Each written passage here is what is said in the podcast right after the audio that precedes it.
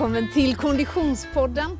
Vi är framme vid avsnitt nummer sex denna femte säsong. Och eh, Oskar, du må vara en superatlet, men att du är en förberedelsekung av rang, det vet vi eh, 16 mil in i eh, äventyret som kallas för Supervasan. Jajamän, 26 mil har vi kommit. 26 mil har vi dessutom kommit. Vi har Jajamän. 16 eller 17 mil kvar. Till Mora. För just nu befinner vi oss på en eh, rastplats. En väldigt vacker sån måste jag säga. Precis, det är inte vilken som helst utan det är the rastplats när du ska till Sälen eller Mora. Just det, Fryken. Fryken. Just det. Sjön Fryken i bakgrunden. Precis, oerhört vackert. Kakan är uppdukad och serverad. Vad är det för någonting vi fikar på? Vi måste också säga det är andra gången vi fikar redan. Ja, det är en bullkrans eh, från Margaretas i Mölndal som vi hämtade 06.10 i morse enligt tidsschema. Nybakade bullar till mitt kära team som följer med mig. Just det.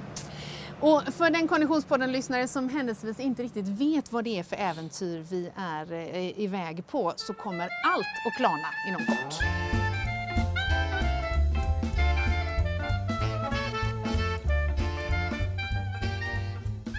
Ja du Oskar, Supervasan, nu är det inte långt kvar.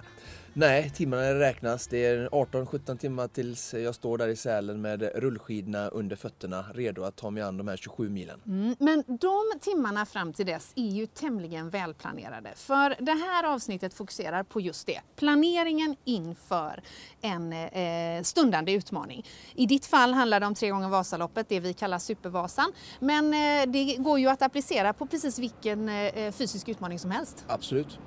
Det är ju faktiskt så att, att planera och att lite grann strukturera upp förberedelserna är delar av hemligheten. Det har ju vi pratat om många gånger i Konditionspodden. Eh, men jag tror nog Oskar att här, nu tar du priset. Ja, men- Mängden do- Excel-dokument, mängden förberedda lunchlådor, mängden kläder packade i specifika distanslådor, en bil eh, enkom för tillfället, bokat hotell. Alltså det här är ju... Ska du börja jobba som reseledare eller? Ja, precis. Jag har lärt mig från de bästa. Jag har en god vän som är väldigt duktig på detta, så jag har tagit hans rygg. Nej, men skämt åsido, det är väldigt viktigt tror jag att eh, en stor utmaning som denna, eh, att ha respekt och gå in med stor ödmjukhet och planera väl. För att när, när jag eller vem som helst gör en sån här utmaning så ska vi ge oss chansen att verkligen maximera insatsen av allt slit vi har gjort för att få så bra re resa eh, och slutresultat som bara vi kan utifrån oss själva. Och eh, det känner jag verkligen att jag har gjort nu och eh, speciellt då när vi är så många som ska med eh, och utmaningen är så utspridd och det är flera grenar så såklart att det ställer ännu mer eh, krav på just planeringen och förberedelserna. Eh, och, och det är ju också så att genom att planera så får man ju också liksom gjuta lite i förväg. Verkligen! Alltså jag eh, eh, kan ju, ska jag säga, gå igång, vet inte om det är fel eh, ord här nu i podd, men eh, jag kan verkligen njuta och gilla just det här att alla delarna i en utmaning. Och den börjar faktiskt redan när du sätter målet för dig själv och sen så börjar du skissa på planeringen. Och sen är det en lång resa med eh, träning och sen då just de här sista veckorna med planering, genomförandet och sen då den här lilla grädden på moset när vi, man får stå där på mållinjen och eh, känna sig stolt och nöjd med sig själv. Det lilla, lilla gräddet på mosen alltså som är själva målgången. Känna att just det kommer ju faktiskt få ta ganska stort fokus också i några avsnitt längre fram. Men det är att gå händelserna i förväg. Eh, vad det gäller planeringen ur ett träningsmässigt perspektiv så har vi ju redan avverkat det i tidigare avsnitt. Har du inte lyssnat så gör det. Vi går ju igenom de tre distanserna eh, rullskidor, cykling och löpning i detalj. Så så det här avsnittet ska ju helt enkelt fokusera på den planering som är för allting runt omkring. Vi har ju bland annat kläder som ett eh, eh, liksom väldigt viktigt moment i just den här utmaningen eftersom den går igenom tre olika grenar. Du har packat kläderna i tre olika lådor. Ja. Med, eh, det ska vara tydligt för crewet som är med att ta fram rätt låda, att varje låda är inverterad med rätt utrustning och där finns allt jag behöver för att liksom, ta mig an respektive gren. Eh, så att allting är enkelt och det ska vara lätt att hitta, inte fumla i ryggsäck utan med en plastlåda så blir allting väldigt vis- visuellt och lätt att hitta på ett snabbt och enkelt sätt. Om du tullar ner allting i en eh, väska som du inte ser i, eller någonting men i lådan så ser du och hittar allting på ett bra sätt. Mm, just det, och det kräver ju i och för sig att man har då med sig, som i vårt fall, har med en supportbil. Ja. Eh, men det skulle skulle ju också kunna vara att man har extra kläder i ryggsäcken till exempel. Ja. Eller att man har eh, ett par extra skor om man ska springa en riktigt lång distans. Eh, Det skulle också kunna handla om eh, torra strumpor antar jag. Ja, det är ju som klyschan säger, förbered för det värsta och hoppas på det bästa. Och eh, jag har med dubbla rullskidor, dubbla stavar, dubbla skor, dubbla cyklar, dubbla allt. Dubbla programledare, eller Ja. jag den enda. Någon i crewet kanske får ta över micken ifall du behöver sova en stund. Vi löser även det i så fall.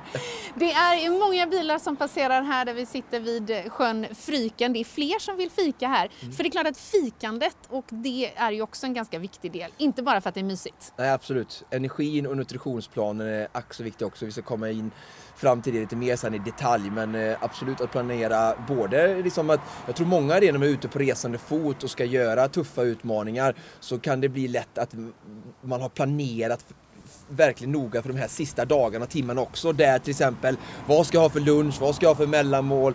Och liksom så hela tiden fyller på mig själv och inte att alla andra förberedelser tar så mycket tid och eh, energi att vi, man glömmer, på, glömmer att liksom äta och fylla på. För att, mm mätt och fulltankad behöver kroppen vara inför vilken typ av utmaning det än må vara. Och där är det precis som du säger, vi kommer återkomma till den energi som du kommer att behöva under loppet. Men du, du har också imponerat stort måste jag säga, att eh, se till att vi i teamet får energi. Och det där är ju skämt åsido en ganska viktig del. Har man med sig eh, kanske sin partner eller vänner på en utmaning så ska ju även, även de överleva och förhoppningsvis få en, en trevlig upplevelse. Ja verkligen, jag vill ju inte att de ska tappa det. Nej, det vet vi hur det kan bli. Ja, precis. Jättejobbigt faktiskt. Men du, vi har 17 mil kvar så jag tror att vi får hoppa in i bilen igen. Verkligen, det gör vi.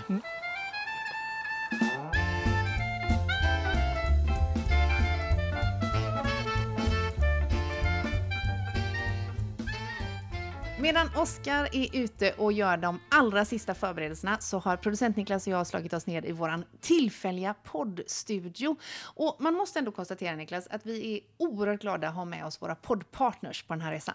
Extremt glada. Mm, utan partners ingen podd. Ingen podd utan partners. Så enkelt är det. Eh, och Asics är ju vår trogna poddpartner som är med oss under hela den här säsongen. Eh, och Oskar kommer ju faktiskt att springa den tredje sträckan i ett par Asics-dojor. Vilka är det då? Fuji Tobacco Pro. Bra uttal ändå! Ja, jag Ja. har tränat. Jag har ju en av de dojorna här, inte den Oskar kommer springa utan den som är min. Den ser inte direkt sliten ut. Nej, den har inte sprungit lika många, inte lika många mil, men det är dock eh, samma doja och vi kan konstatera att det är en doja som funkar väldigt bra i trail. Jag har aldrig hört Oskar prata så mycket bra om en enda sko. Nej, faktiskt är det så.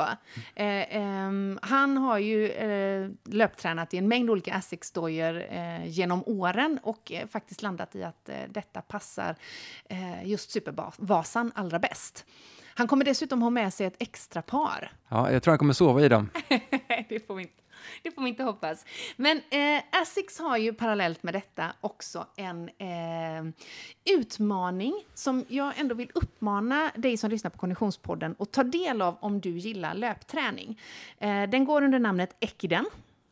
Och en stafett, ett maratonstafett. Mm. En mara var, eller var det? Nej, definitivt inte en mara var, utan en mara tillsammans. Man anmäler ett lag digitalt via asics.com eh, och så kan man helt enkelt dela upp, eller man får varsin del av distansen.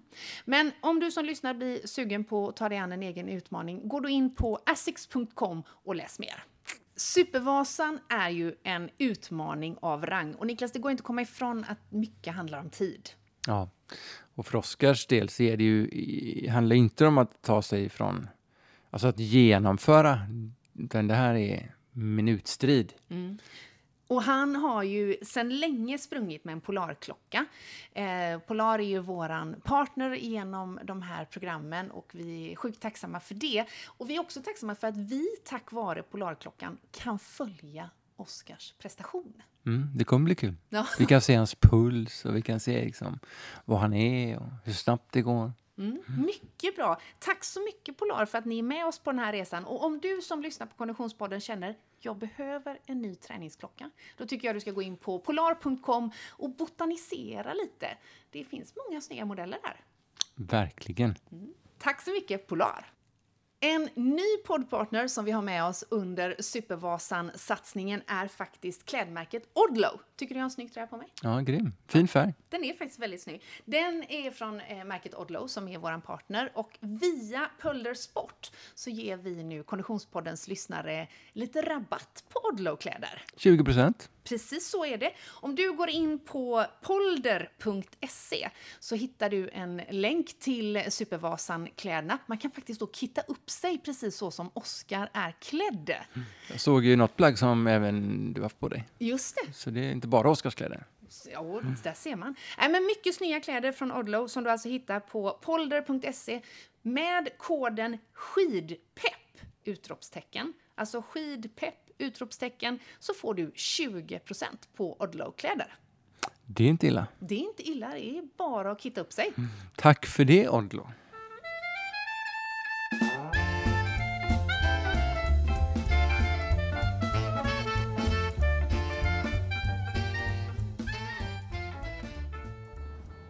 Ja, Oskar, det är ju ingen rast och ingen ro på den här resan såklart. Eh, Vi fick eh, sitta och fika en liten stund vid sjön Fryken, men sen var det in i bilen igen. Jajamensan. Mm, och vi poddar vidare i bilen. Ja, men självklart, vi får ju verkligen försöka ta vara på alla tidsluckor, märker vi ju det här tidsschemat, för att samla på oss material, eh, både ljud, bild och rörligt. Mm, och vi har ju eh, fått eh, låna eller fått bli sponsrade av en, eh, fantastisk, med en fantastisk bil. Verkligen, den, den fyller all funktion vi behöver just nu. Tack Volkswagen! Tack så mycket Volkswagen och jag tror att eh, producent Niklas eh, skänker dem en extra eh, varm tanke med tanke på att han ligger bak där nu och har det Och lite gött. Producerar. Ja. Men du, vi pratade ju om vikten av att förbereda sig ordentligt och det där är ju verkligen ingenting som vi kan skämta bort för det här är ju en stor del av upplevelsen. Vi var lite inne på det här med att planera maten. Precis. Eh, med oss i den här eh, vanen så har vi ett litet kylskåp Jajamän. och där i har vi framförallt oss, eller teamets eh, luncher. Verkligen, det kommer ju krävas mycket mat även till sex personer som ska äta under hela eh, den eh, genomförandet under Supervasan. Mm. Och där är det ju faktiskt så att det är, det är ett bra tips att, att göra färdiga rätter. Antingen göra dem själv eller att köpa färdiga rätter. Som vi har gjort. Mm. Mm. Vi har ju fått med oss rätter från Kitchen Wiz och en av fördelarna med dem är ju att det är rätter som ska tina långsamt. Ja. Det här är ju riktig äkta mat. Så det här är ju ingen snabbmat men på ett sätt så är den ju snabb situationstecken att den går snabbt att tillaga men just att det är vällagad mat som man tinas upp långsamt och sen värms på snabbt innan man ska äta. Mm, och så tillsätter man endast eh, eh kokt ris eller pasta så har man en eh, färdig näringsrik måltid. Och denna gången så har vi faktiskt fått hjälp av Kitchen Wiz att koka riset så att vi, ni, ni ska säga, slipper koka riset i allt tumult imorgon eh, Ja. så att eh, vi tackar för det så att vi har färdigkokt ris med oss. Mycket, mycket bra. Det ser vi fram emot och så kommer man kunna värma, det värmer vi i mikro helt Ja. Mycket bra. Men att, att tänka på att förbereda mat även för teamet är ju faktiskt en, en, en, ganska viktig detalj som Ja. sagt när det, när det handlar om den här sortens utmaningar som sträcker sig över flera, flera dagar. Ja, som kan vara nära kära till exempel och de har ju ofta en, en väldigt viktig uppgift för eh, den aktive som ska utföra utmaningen och att, att det är verkligen genomtänkt innan för tänk om det är så att eh, platsen, orten till exempel, jag eh, känner ju till platsen som vi kommer härja på imorgon och jag kan säga mellan Sälen och Mora i oktober Mm. så är det inte många eh, livsmedelsbutiker eller restauranger eh, klockan fem på morgonen och inte heller klockan 14 på eftermiddagen. Så att eh, därför gäller det, och så kan det även vara på vilken typ av tävling eller utmaning som eh, hon eller han eh, ger sig i kast med att eh, vi känner inte till, det är en ny plats vi är på eh, och att ha färdig, bra mat så man vet vad det är för någonting och att den är liksom förberedd så inte de ska, ja nu ska vi langa här eller ska vi stötta och hjälpa till eller någonting så bara, måste man rusa iväg och äta för att Alltså fok- fokuseringen och energin går ju ner för alla människor som inte får mat. Ja, verkligen. Eh, många nära och kära du har. Jag har det nu ja, ja just nu i alla fall. Ja. Mycket bra. Vi är ju ett eh, tajt team eh, som följer dig. Vi har eh, eh, två stycken chaufförer Jajamän. eh, och så är vi ju eh, producent Niklas och jag som håller i den eh, massmediala delen. Men sen kommer vi ju också få tre stycken coacher när vi väl kommer fram. Precis, grenexperter som kommer att följa med på respektive gren, delar av sträckan i alla fall, eh, för att peppa och eh, ja, se till att jag håller mig på banan. Du, eh, eh, en våning upp här i, i eh, husbilen kan vi väl nästan kalla det, så Ja. står det då tre stycken plastbackar. De var ju också väldigt pedagogiskt uppmärkta, Oskar. Ja, det finns en fjärde också. Vad är, är det på den Och fjärde då? Det står det nutrition. Jaha, okej. Den kommer vi återkomma till. Även Ja. den är ju en förberedelsedetalj av vikt. Men Mm. de tre som jag ser ifrån mitt säte där jag sitter står det då rullskidor, cykel och löpning på. Vad är det Mm. som det ligger i de här? Jag ser hjälmen ser jag i rullskidebacken här. Jajamän. Eh, I rullskid- rullskidsbacken då så ligger det ju såklart ett par, eh, en, en hjälm Ja. och eh, som är, jag tycker är bekväm just för rullskidorna. Som, eh, jag kommer ha en annan hjälm sen till cyklingen. Vänta, kan jag, ta ner den. Jag håller mikrofonen. Ställ Ja. dig upp och ta ner backarna så ska vi se här. Eh, det är eh, färggla, färgglada kläder. Ja, det är viktigt att se, synas ju. Mm, Okej, vi sitter här, då. här. Här ligger, nu öppnar vi rullskidebacken. Ja. Och det är då alltså en hjälm överst. Ja, Den här har varit med förr du. det har varit med förr ja. Ja, bra. och i hjälmen har du knölat ner, vad är det som ligger här? Eh, det är på överdragsshorts Ja, som ska vara över mina tights. får du hålla din mikrofon ordentligt alltså. Ja.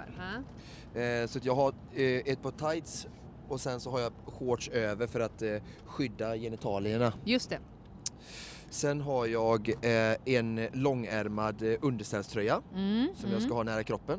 Bra, Eh, och sen så har jag en eh, vindväst just det. eh, som har eh, jättebra stopp fram till och sen ser du här jättemycket igenom. genom ryggen då så att det kan bara blåsa svett rakt bakåt. Så den här Och sen har västen den har en du väldigt valt snygg logga där också. Ser du står Du har där? tryckt Supervasan by Konditionspodden på ryggen. Mycket Jajamän. snyggt. Men alltså det här, eftersom du då ska, det kommer gå fort i rullskidedistansen, så är som precis som du sa så är den vindskyddande fram och så är det ett meshliknande material som släpper igenom på ryggen. Ja. Mm, perfekt. Och sen hjälmen, den var ju... sen har vi på eh, väldigt eh, varma, bra eh, sockar Just som det. går lite högre upp. Eftersom att pjäxorna sträcker sig upp en bit så får gärna sockarna vara lite höga också så att det inte kommer till exempel eh, eh, ja, men, eh, övre delen, alltså gummidel av pjäxan på direkt mot hud utan att sockan fungerar hela vägen över pjäxan lite så att den ja, Ja just inte det, så att det inte glappar liksom. Ja, skav. mm, mm, jag förstår. Sen så har jag Är ett det här? Är det några glasögon? Ja, sen har jag ett pulsband Pulsbandet ja. och sen så har jag vet du, skidhandskar. Ja, bra. De ser helt Väldigt nya viktigt. ut. De är helt nya. Ja, såklart. Ja, är såklart. det, det, rekommenderar du att man kör? Nej, måste man inte. Jag har ju testat dem, Ja. men de är ju Mm. nya. Okej, bra. Sen har jag då en annan sak som kanske du skulle tycka känns eh, udda, men det är glasögon, solglasögon. Ja. Varför skulle jag tycka det var udda? Nej men för att vi startar mitt i natten. Så det har du helt rätt. Det är en ganska Ja. udda detalj då. Ja. Det är sällan man kör Men- solglasögon mitt i natten. precis. Men då är det så Om här att jag Ja. har eh, ett satt på här som du ser ett eh, ljust glas som gör att jag kommer kunna se fast det är mörkt då. okej. Ehm, och, för jag har ju pannlampan också här. Mm. Ehm, men just så är det så att man åker både cykel och det är lite kallt eller rullskidor och det går ganska fort så är det väldigt lätt att tåra ögonen. Ja, verkligen. Ehm, men glasögonen eh, som Ja, är du- stora mot vinden mot vinden alltså. Så det är ett Ah. vindskydd och inte mot Snyggt, solen då. Snyggt. Och så, Så det- ser du ju dessutom väldigt Eh, cool ut. Ja, men, och sen också så här, eh, liksom man vill verkligen se när det går fort när man åker rullskidor och det kan ju komma skit och annat sådär så, Mm. i snabba nedförslöpor och sådär. Så att, med, med neutralt glas liksom, så, Ja. så för vinden helt enkelt. Bra. Snarare än ett solskydd. Ja, mycket bra. Mm. Okej, då har vi gått igenom, vi packar tillbaka här nu då. Har du någon speciell ordning detta ska vara? Nej, Nej. det spelar ingen roll. Det Det här är här, kommer jag ha på mig det jag ska ta på mig. För rullskidor är ju vår första distans så att eh, här, har du, här har du gott om tid när den här eh, Ja. ska tas på. Jag kommer Okej. nog byta om i bilen här. Så då tar vi ner eh, nästa back då Cykel. som alltså är cykel. Ehm, och de här backarna kommer som sagt att stå i våran bil eh, där du ska Vad var det du hade? 90 sekunder tänkte du, hade du räknat med att eh, bytet skulle gå på? Ja, två minuter då. Två minuter. Herregud, du är en sån slöfock. Okej, vad har vi här i? Ny hjälm. Ny hjälm ja. Mm. En mer en eh, barntröja, mer anpassad för cykling. Ja. Och i den så ligger det ett par eh, cykelvantar, Mm. långa. Mm. Ja, det kommer vara ganska kallt där uppe eh, så att jag vill ha långa, långa fingrar. Eh, sen så har vi ju ett... Hur, hur kommer du må i kroppen när det, det här bytet sker? Ja, men det är ganska okej. Alltså, kroppen kommer vara lite utmärglad rent energimässigt och sen så är man lite stel i överkroppen men benen kommer ändå vara helt okej tror jag. Men benen känns kanske mer än folk kan tro för att även om du jobbar mest med överkroppen så är det ju så att du eh, står ju ändå statiskt på benen och stå upp i 4-5 timmar Mm, Ja, exakt. det tar ju ändå då. Så att Mm. första delen i alla byten så är ju alltid så att det är liksom, liksom ett, en övergångsperiod att komma in. Så att, Mm. eh, Och det här är alltså någon gång kring nio snåret imorgon bitti? halv tio kanske. Mm. Halv tio kanske. Mm. Mm. Mycket bra. Vi går vidare i lådan. Vad, Mm, vad fick vi cykel, här? eh, Vi kanske ska börja här nu. Vi börjar med cykelbyxorna här va? Ja, Korta vill jag ha. korta cykelbyxor trots inte- att vi är i oktober. kallt. Jag vill Ja. inte ha någonting över mina knän som stasar. Just det. Mm. Hellre Eh, frost på knäna. Jajamän. Ja. Och skrapsår. Mm. Eh, här har vi en långärmad eh, underställströja. Okej, bra. Och sen över den så kommer jag ha eh, den eh, cykeltröjan. Just det, den låg här ja. Ja, Mm, den mm. är där. mm. En vanlig bike jersey liksom med cykelfickor och allting. Ovanpå underställ och det är Ja. naturligtvis bara på grund av eh, så låga temperaturer som vi kommer få. Att Ja, precis. Om man har en cykeltröja, det är Ja. alltid det man cyklar. Ja, men jag tänkte att du underställ under. Ja, ja, ja, ja. Mm.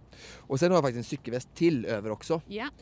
Eh, för att cyklingen är ju, kommer att vara den, den gren som är minst pulsbelastande. Mm. Både för att cykling är lättare och för att jag i, inte kommer pusha kanske lika hårt som i de andra grenarna. Och Mm. man får ju rulla mycket, alltså cykling är ju en lite annorlunda sport. Mm. Eh, och det är högre hastigheter så jag behöver mer skydd från vinden. Jag kommer vara, redan vara liksom lite tom på energi och sådär. Så Du behöver behålla värme, i värme, kroppen. ja. Mm. Så det blir tre plagg där då. Mm. Eh, och sen för att fötterna inte ska bli kalla så har jag med eh, skoöverdrag som jag kommer ha över mina Damasker. skor. Damasker kan man säga. Mm. Snygga. Väldigt Eller snygga. ja. Ja. men de är faktiskt snygga. och sen eh, eh, kvar då längst ner har vi ett par varma sockar för cykling och så ett par mountainbikeskor. Just det. Och själva cykeln har vi ju monterat bak på eh, bilen och du har Mm. gått igenom i detalj givetvis allt som eh, behövs för den. Ja. Mm, mycket bra. Okej, då har vi bara en låda kvar och på den står det helt enkelt löpning. Plockar du ner den ska vi se. Tjofaderittan. Ja, bra. Passerar vi en timmerbil samtidigt här också. Det är lite Tur att det inte är du och jag som kör. Ja. Okej, i den här lådan, det var mer kläder, det var dubbla dojor ser jag. ja. Ja. För det här är ju då inför den tredje distansen så är, vi ju då eh, återigen uppe i Sälen eh, och eh, här, är, här ger du dig ju på en kraftmätning av rang måste jag säga. Ja precis, nu börjar ju, det, nu blir det riktigt roligt. Mm. Just det. Eh, och vad är det du byter in i till kläder, för kläder då? Ja men då strippa sig naken, på med lite vaselin och sen blir det ett par av de här härliga eh, shortserna som har eh, en innetights eh, byxa kan man säga. Och sen är det på vanliga shorts som hänger över men de sitter ihop som du ser. Perfekt. Och sen så har jag en, en långärmad t-shirt Mm. som jag kommer ta på mig. Eh, det är faktiskt två stycken där för jag ska byta efterhand. Och sen så är det Vad hands... sa du, du ska byta efterhand? Jag ska byta efter halva. Efter halva, halva distansen så räknar du med att byta tröja? Ja. ja Den bra. är blöt. Mm. Sen har jag ett par bra varma löpstrumpor Mm. anpassade för löpning. Jag kommer ha vantar på mig direkt för Mm. man blir oftast väldigt kall om Och du händerna. är antagligen ganska kall när du kommer då? Exakt. Mm. Och sen så har jag ett eh, pannband Just det. som håller huvudet kallt, eh, varmt. Varmt förhoppningsvis. Ja, varmt. ja. Ja. Så Och det är that's it. primär öron där då som är Öron och lite panna. Riskzonen. ja. Ja. Tinningen, eh, panna, öra. Mm. Alltså du är ju förberedd. Ja, det känns så va? Ja, Mm. Och sen har jag vi en eh, väldigt snygg och funktionell superlätt överdragsjacka som jag planerar att dra på mig senast när eh, skymningen kommer eh, någonstans runt Evertsberg. Ja. Eh, Men det är ingenting jag vill- Och sen som sagt ett par extra skor för att det har hänt under långa lopp att eh, sulor lossnar, går sönder och Så Av extra typ skorna är helt enkelt med i reserv? I reserv. Ja, Jag vill inte bra. stå där och ta di, försöka ta dina skor liksom. Nej, det, är det kommer svårt. inte vara någon framgång. Nej. Det blir kallt för mina fötter också. Ja, du, nu gasar Mar- Mark ordentligt. Ja, vi närmar oss Malung nu vet du. Ja. Bråttom till lunchen. Fantastiskt.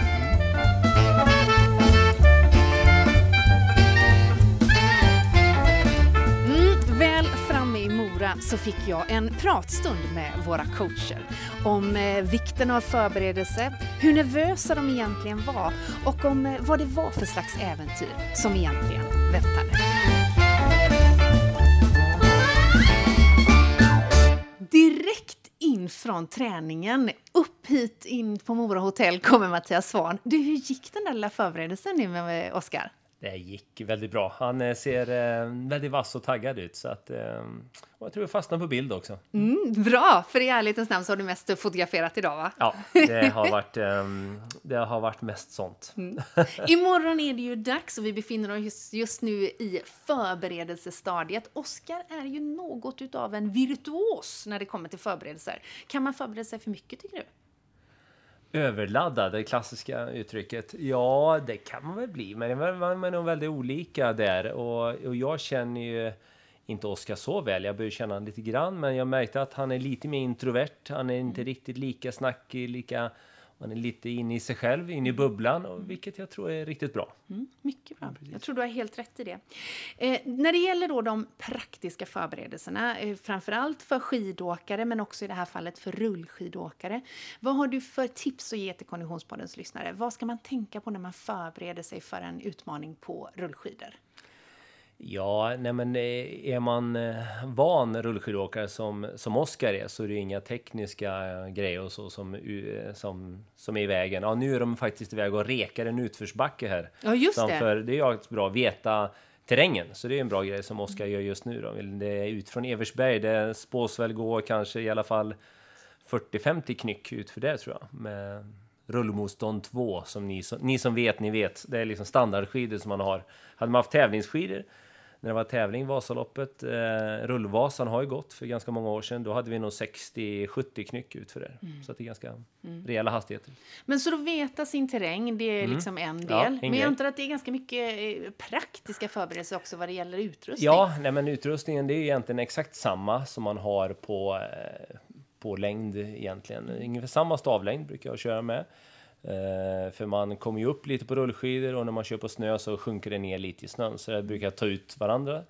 Eh, man har speciell kormandspets, alltså en eh, rullskidspets. Givetvis kolla så remmar och spetsar på stavar är okej. Eh, och man slipar ju stavspetsar med särskilt diamantslip och så, här, så att det blir riktigt, eh, ja, mm, diamant. Det glittrar till i Fridas ögon här, ni lyssnar.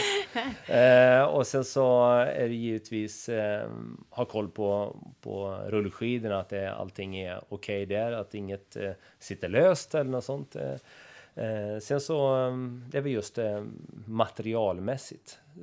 Sen så givetvis alla som åker rullskidor, reflexväst och hjälm, extremt viktigt. När man ger sig ut eh, på, på eh, längdskidåkningstävling eller längre träningspass då har man ju kanske med sig valla eller man förbereder för, för den sortens eh, eventualiteter. Hur är det när det gäller rullskidåkning? Har man med sig någon extra spets eller något liknande? Mycket bra. Tänkte precis säga det. Det är någonting man inte får lämna hemmet utan rullskidspets är man Pajar man den, ja då får man åka med ena staven ute i diket eh, om man säger så. För att, eh, Kunna få fäste för att få fäste om Ja. man säger så. Och det är ju inte bra. Då gäller det att bryta rätt spets så man åker på höger sida som de flesta eh, rullskidåkare gör. Då. Ehm, och ehm, sen så är det väl, ehm, ja, nej men det, det är väl inte så mycket man har med sig extra tror jag inte. En, eh, ni kommer med reservstavar för att Oskar får inte tappa någon, tappa någon tid på en sån grej. Exakt så. Ja, det är spännande när vi ger oss i kast med detta. Nästa avsnitt, då vet ni hur det går.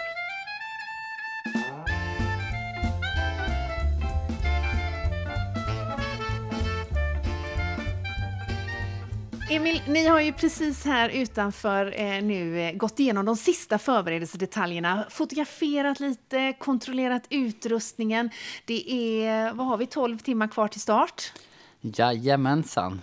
jag vet inte, jag är inte nervös. Är du nervös? Jag tror inte det. Nej, jag är inte så nervös. Inte av, inte av samma anledning som Oskar i alla fall. Verkar han nervös eller? Nej, nej, yes, nej.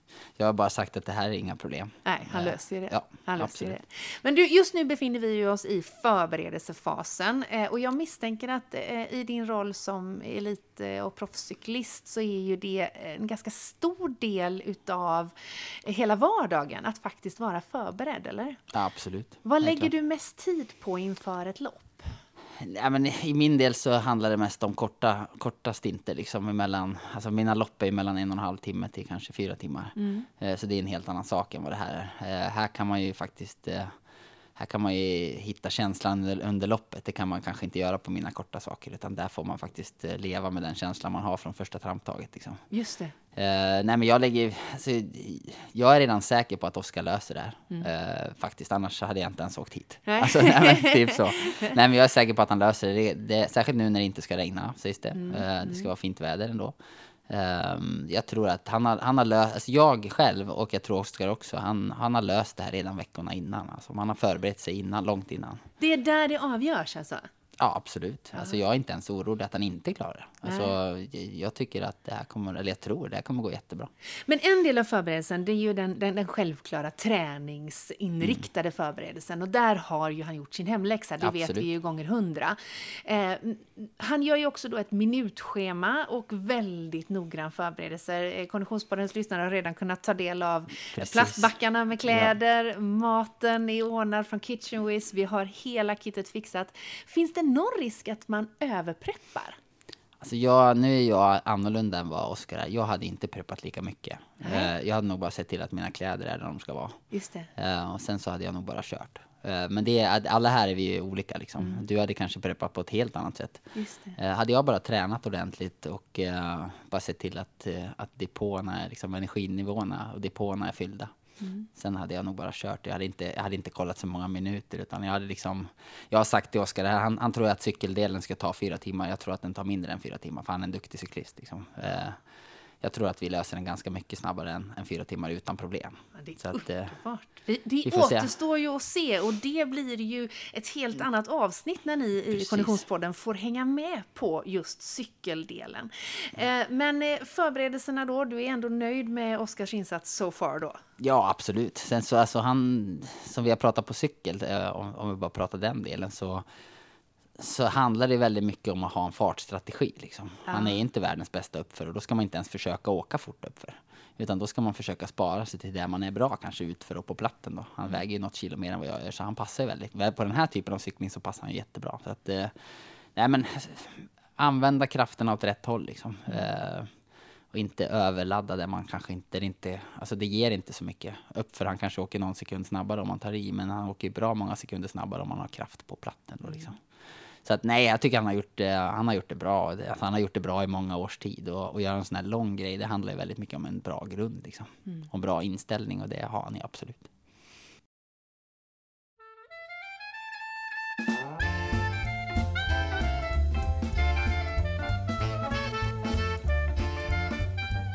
Jonas, jag vet att du liksom Oskar är noga med förberedelserna, men om du tittar här, nu tar jag fram mitt block, mitt förberedelseblock, och så ser du detaljplaneringen som Oskar Olsson har gjort.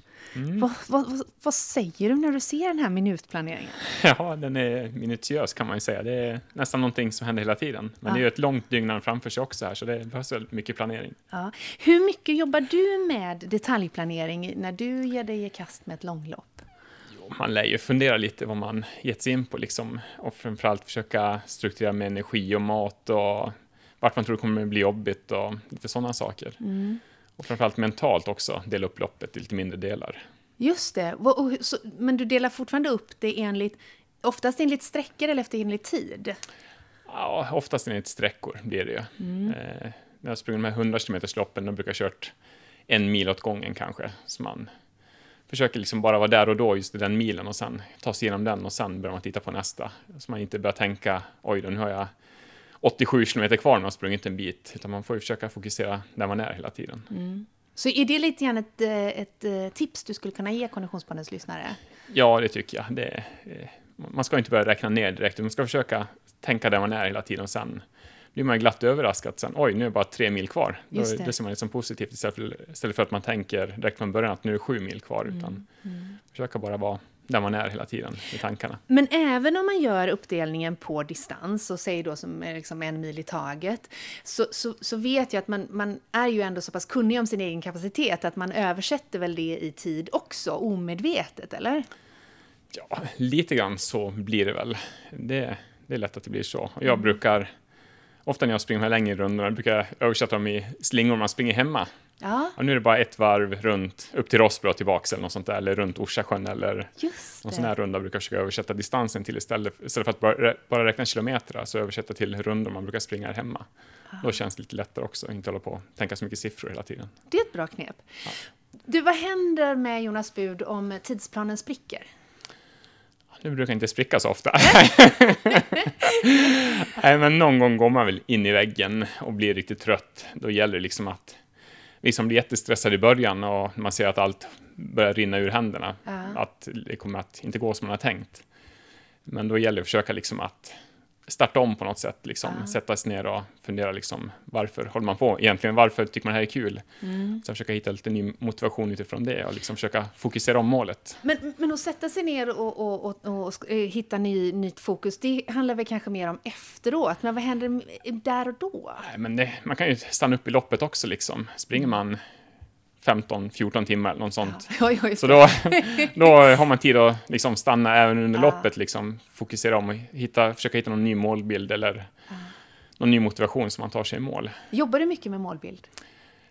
Nej, jag är nog lite dålig med det, men eh, nej, det kan jag inte direkt påstå. Men jag försöker ändå...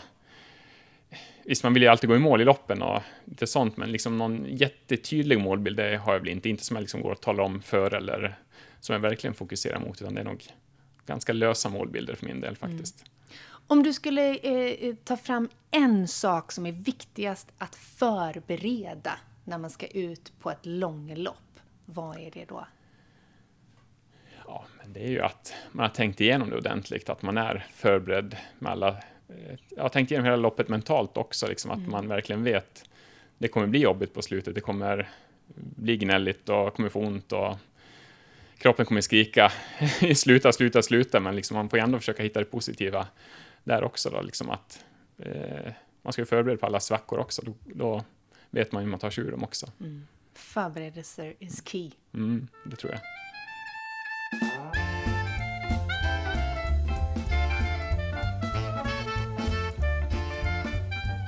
Under våra dagar i Sälen och Mora så fick vi också möjlighet att prata med Johan Rydén, eventansvarig på Vasaloppet.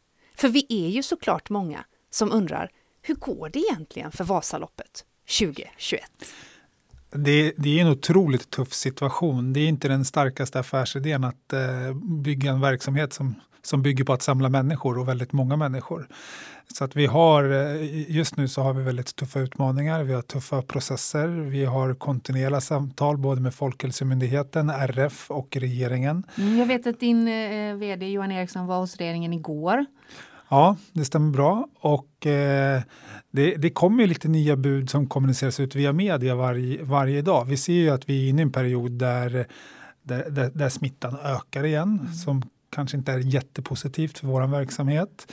Vi ser också att det finns en otroligt stark vilja från regeringen att hitta möjligheter till att eh, ja, men kunna kanske allt, framförallt anpassa motionslopp och lopp utomhus. Så det var de senaste beskeden vi fick igår. Okej, så det finns en stark vilja från regeringen säger du. På, på vilket sätt yttrar den sig? Eh, nu har man gått ut och satt till en arbetsgrupp som ska jobba fram till den 1 november och titta just utifrån hur man jobbar med lopparrangemang som Okej. är utomhusarrangemang. För det kan ju skilja sig lite från från hur vi samlar människor inomhus i en arena och utomhusarena. Vår arena är nio mil lång så att det, Precis. vi har en otrolig möjlighet att, att göra det på ett, ett, eh, ja, men ett coronasäkert sätt. Det får ju ändå tolkas som väldigt positiva besked eh, i relation till vad vi hört tidigare. Det, det var ett steg i rätt riktning och vi försöker ju gripa de här små öppningarna som vi ser för att kunna kunna planera vår verksamhet utifrån att, att göra någonting riktigt bra. Mm. Vad finns det för alternativ? Hur, hur, hur går tankarna? Eh, för, följer vi Folkhälsomyndighetens eh, riktlinjer idag att man inte får samla mer än 50 personer så är alternativen inte så många mer än att bara öppna upp vår arena. Mm. Eh, nu vet vi inte hur det utvecklar sig med folksamlingar och eh, vart gränsen kommer ligga på när vi genomför loppet. Vi, nu räknar på datum här, det är väl mitten på oktober nu och vi mm. har ju faktiskt ett par månader kvar, närmare bestämt fyra månader, så det kan ju hända mycket på vägen fram. Så alternativet är att vi skulle kunna köra ett anpassat arrangemang om vi får tillgång till fler deltagare.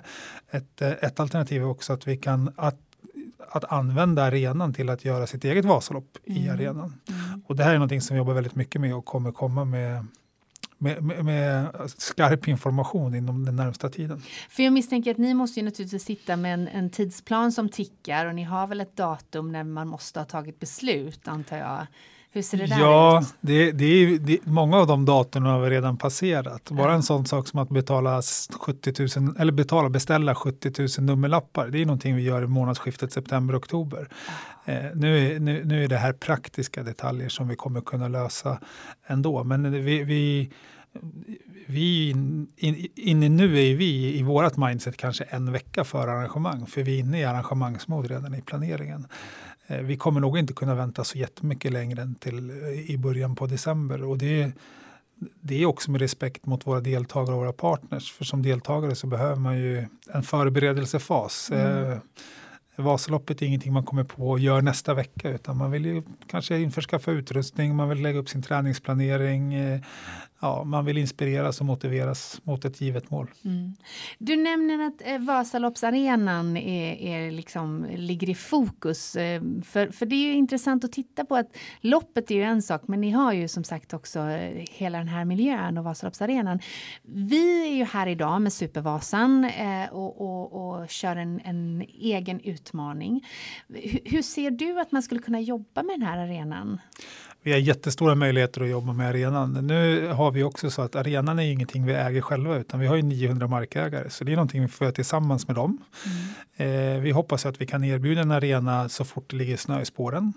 Och det skulle ju kunna vara teoretiskt sett redan om ja, en och en halv månad. Mm.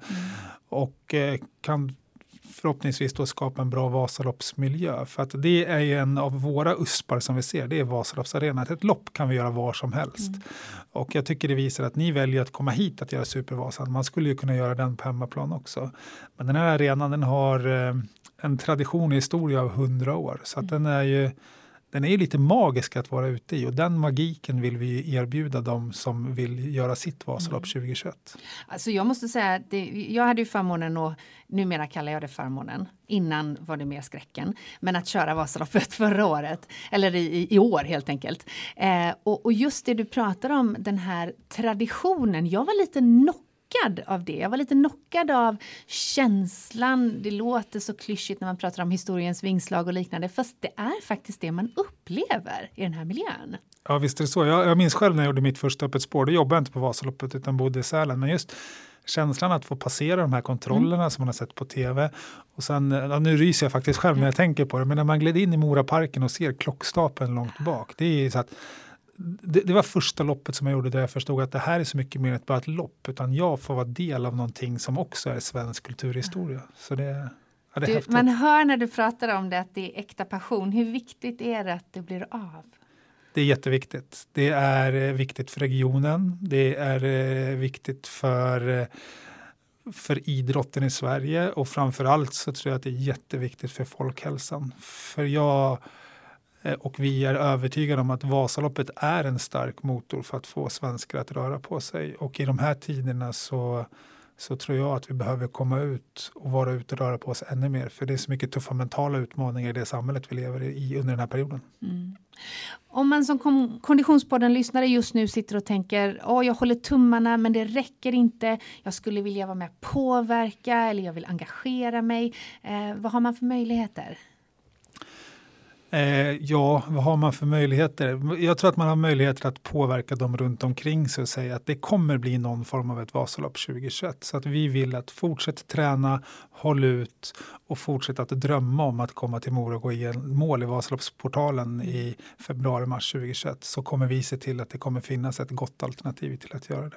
Underbart. Och var hittar man information om man är nyfiken? Eh, ja, var hittar man information? Eh, det, det, bästa är att följa oss via sociala medier där vi har löpande kommunikation, både via Facebook och Instagram. Man kan också göra det via vasaloppet.se. Mm. Och eh, vi kommer intensifiera kommunikationen runt månadsskiftet oktober-november, för då vet vi lite mer vart vi står. Men vi, vi, vi Självklart är vi oroliga, men vi är trygga där vi är just nu. Mm. Det låter bra. Det låter mycket, mycket bra. Du, du vi pratar om eh, eh, glädjen och lyckan av att eh, gå i mål i Mora och om bara några timmar så kommer ju våran Oskar Olsson att gå i mål i Supervasan eh, som den första deltagaren, vilket innebär att han sätter ett rekord. Ehm, och, och, det ser ju bra ut. Så, så långt kan vi, kan vi sträcka oss och säga. Men om du får säga vem som skulle kunna utmana Oskar i det här, har du några namn? Oh, då vill man så här lokalt tänk, tänker jag då. För, för jag tänker lite att vad man behöver, det är ju, jag tror att löpningen är en avgörande del för att kunna utmana tidsmässigt mm. på det här. Och, ja, men Jonas Bud är ju ett namn tror jag som skulle kunna utmana och göra det här på ett ja. bra sätt. Sen vet jag inte hur långt det skulle räcka tidsmässigt. Vi har också en kille i vår orienteringsklubb här i Mora som heter Roman Ryapolov som är duktig skidåkare och framförallt en duktig löpare som säkert också skulle. Men det, det är en svår fråga för det är en, en enorm utmaning. Det finns ju en fransman som bor i, i Norge som heter Kilian Jorné som jag också tror skulle kunna utmana. Mm. Men, men jag tror att det, det, är inte så att man kan räkna upp sådär jättemånga Nej. namn utan man måste nog göra en god analys för att se vilka som är, är lämpade till den uppgiften. Mycket bra och ännu vet vi ju inte vilken tid det handlar om så eh, det återstår att se. Hur hade det gått för Johan Rydén i, i Supervasan? Eh, jag tror att jag hade kunnat hänga på på rullskidorna och på cyklingen i det tempot Oskar håller. Sen hade jag nog fått ge mig någonstans vid Smågan Bångsbodarna på löpningen. Ja, det är bra. Det är gott nog måste jag säga. Men du, tack för att du tog dig tid. Jag ska ut i spåret och följa Oskar och vi kommer att följa er för alla uppdateringar kring hur det går med Vasaloppet. Vad härligt.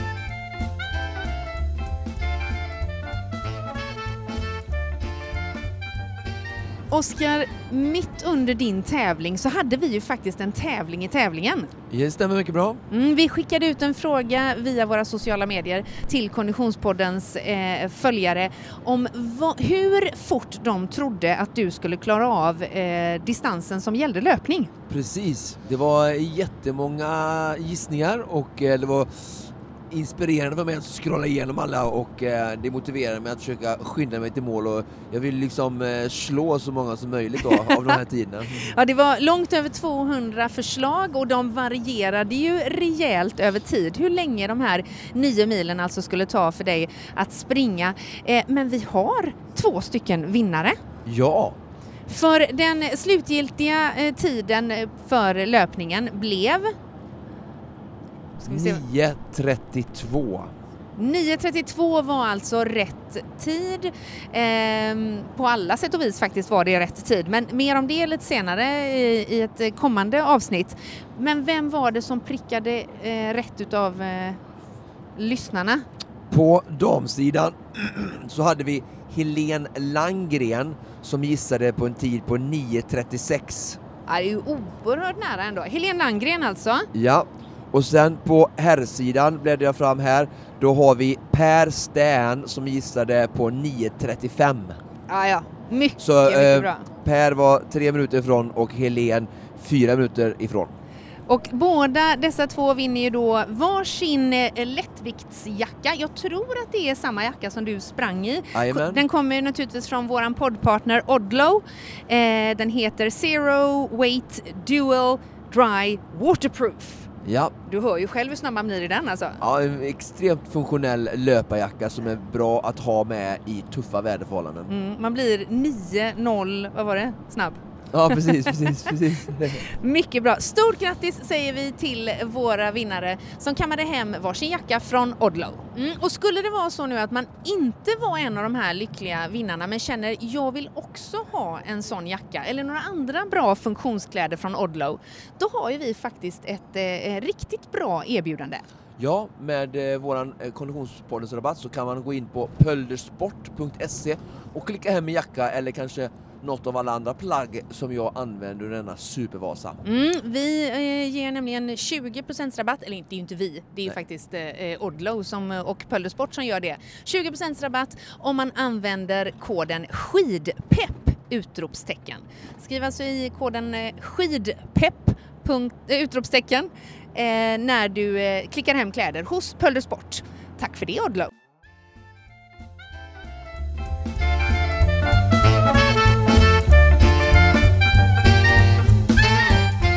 Ja, det var ett intensivt, innehållsrikt och minutiöst planerat förberedelsedygn, som sig bör. I nästa avsnitt då får vi följa Oskar genom eh, första sträckan, alltså nio mil från Sälen till Mora på rullskidor. Men det här, det var allt vi hade att bjuda på för den här veckan.